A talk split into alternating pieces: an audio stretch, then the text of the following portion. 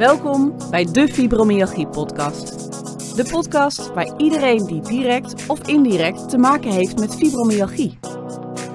Dit is de plek waar jij ontdekt hoe je een leuk, gezond, positief en vooral zinvol leven kunt leiden als je te maken krijgt met deze diagnose. Ik ben Eline Koenjer en ik ben ervaringsdeskundige. Ik maak deze podcast namens de patiëntenvereniging VES. Dat is de afkorting voor fibromyalgie en samenleving. In deze podcast ga ik in gesprek met verschillende experts op het gebied van deze onzichtbare aandoening.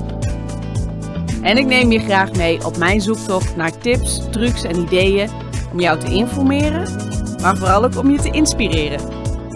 Ik wens je dus heel veel luisterplezier.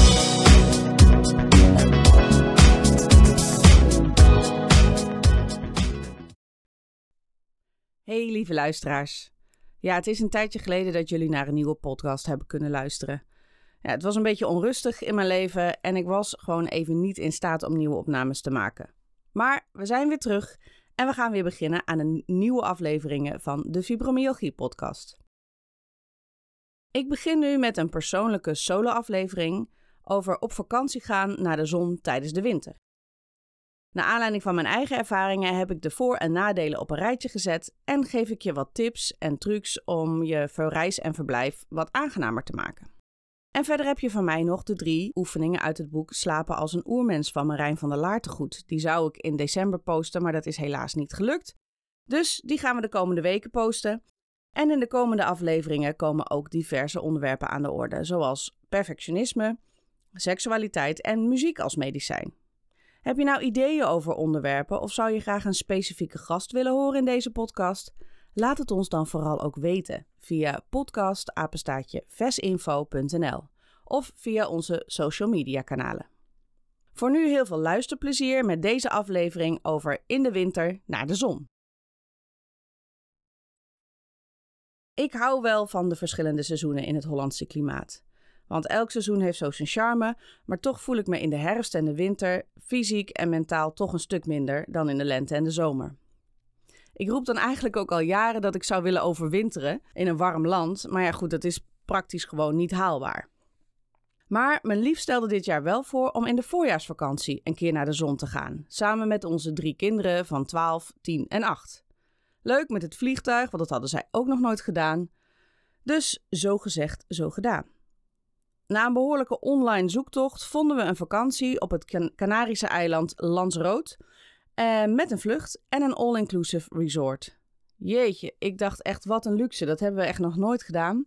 En ik realiseer me ook wel dat we geluksvogels zijn, dat we ons dat kunnen veroorloven. En dat lang niet iedereen dat kan. Maar heb je wel de mogelijkheid, dan geef ik je graag de, het volgende lijstje van de voor- en nadelen met bijbehorende tips mee. Laten we beginnen met het inpakken.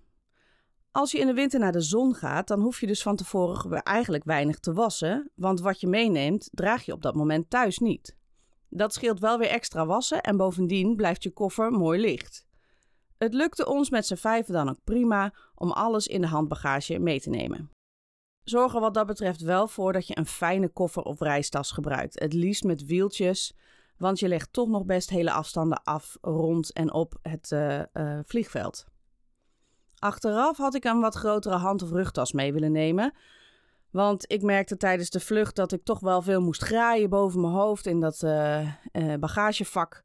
En het is gewoon fijner om dan gewoon een tas onder je stoel te kunnen leggen en dat je overal gewoon bij kan.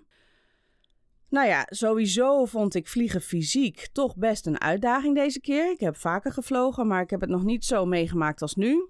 Um, ik merkte dat ik echt last had van de beperkte bewegingsruimte.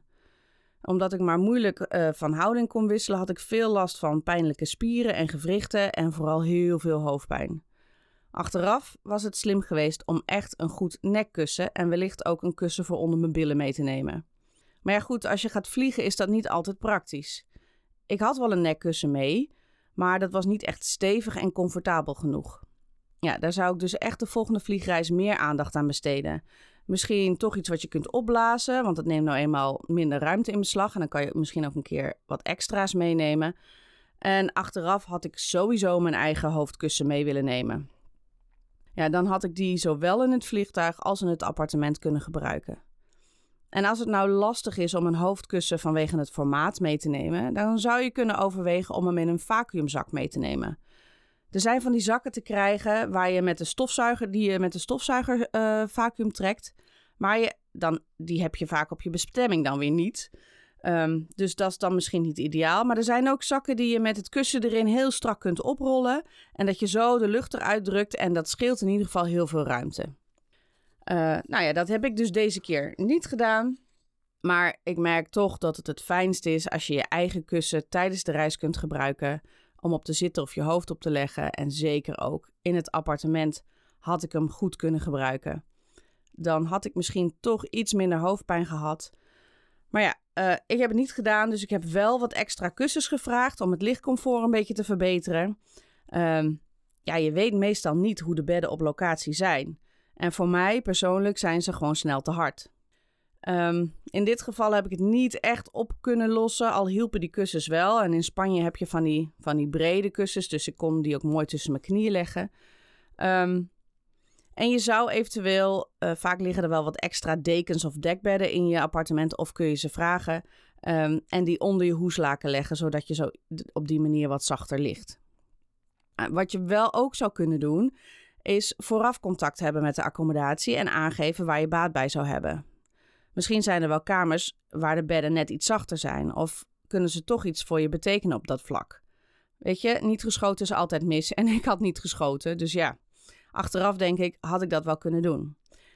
Wat je in ieder geval kunt overleggen is de locatie van je kamer. Dat hebben we vooraf wel aangegeven. Vaak kan dat ook bij de boeking al. Um, wij wilden bijvoorbeeld niet te dicht bij het entertainment uh, een kamer hebben vanwege de geluidsoverlast. En we wilden het liefst op de begane grond.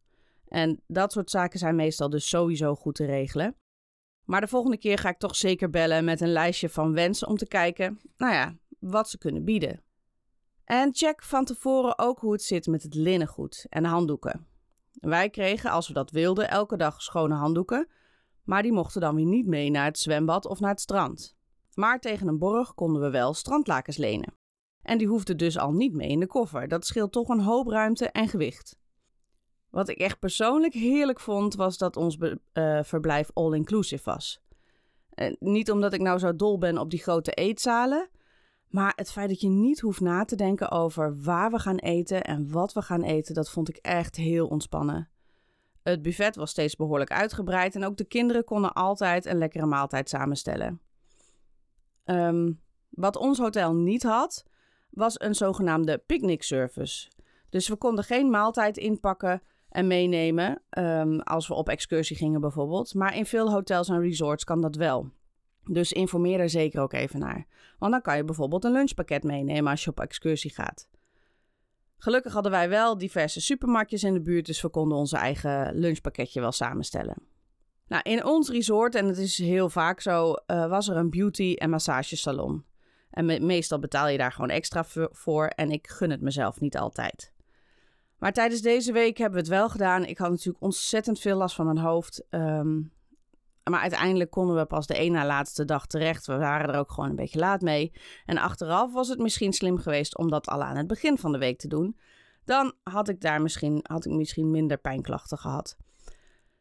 Maar goed, ook zonder een betaalde massage kun je goed voor je lijf zorgen door in beweging te blijven en spieren- en ontspanningsoefeningen te doen. Nou, met het aantal stappen ging het prima, want over het algemeen op zo'n resort je loopt naar het restaurant en weer terug en naar het zwembad en weer terug. Nou, um, dus met het aantal stappen ging het wel prima.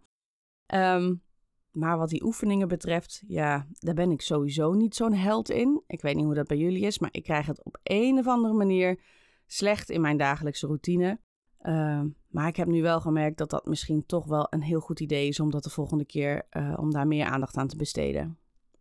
Nou, met kop en schouders steekt toch dat heerlijke klimaat boven alle pluspunten uit. Want wat is het genieten om zomaar midden in de winter, en wij gingen ook nog weg tijdens die storm, van die zon en die warmte te genieten. Elke dag zo'n 20 tot 25 graden, precies goed om dingen te ondernemen of juist te luieren aan het zwembad of op het strand.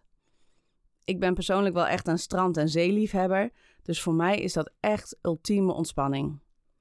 Een strandwandeling of lekker slenteren over de boulevard en een drankje op een zonnig terras. Echt, voor mij toppunt van vakantie. Dus wat mij betreft zeker een aanrader om in de koude herfst- en wintermaanden even lekker op te laden. Als je planning en je portemonnee toelaten uiteraard. Maar vergeet dan niet om echt aandacht te hebben voor je eigen comfort tijdens de reis en het verblijf.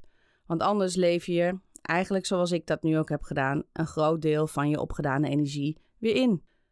Uh, ik hoop dat je het leuk vond om naar deze persoonlijke podcast te luisteren. En dat je wat hebt aan de tips die ik heb meegegeven. Ik ga nog even ontspannen met het beeld van mezelf op het zonnige strand van Lanzarote terwijl de kinderen zandkastelen bouwen en spelen in de branding. Tot de volgende.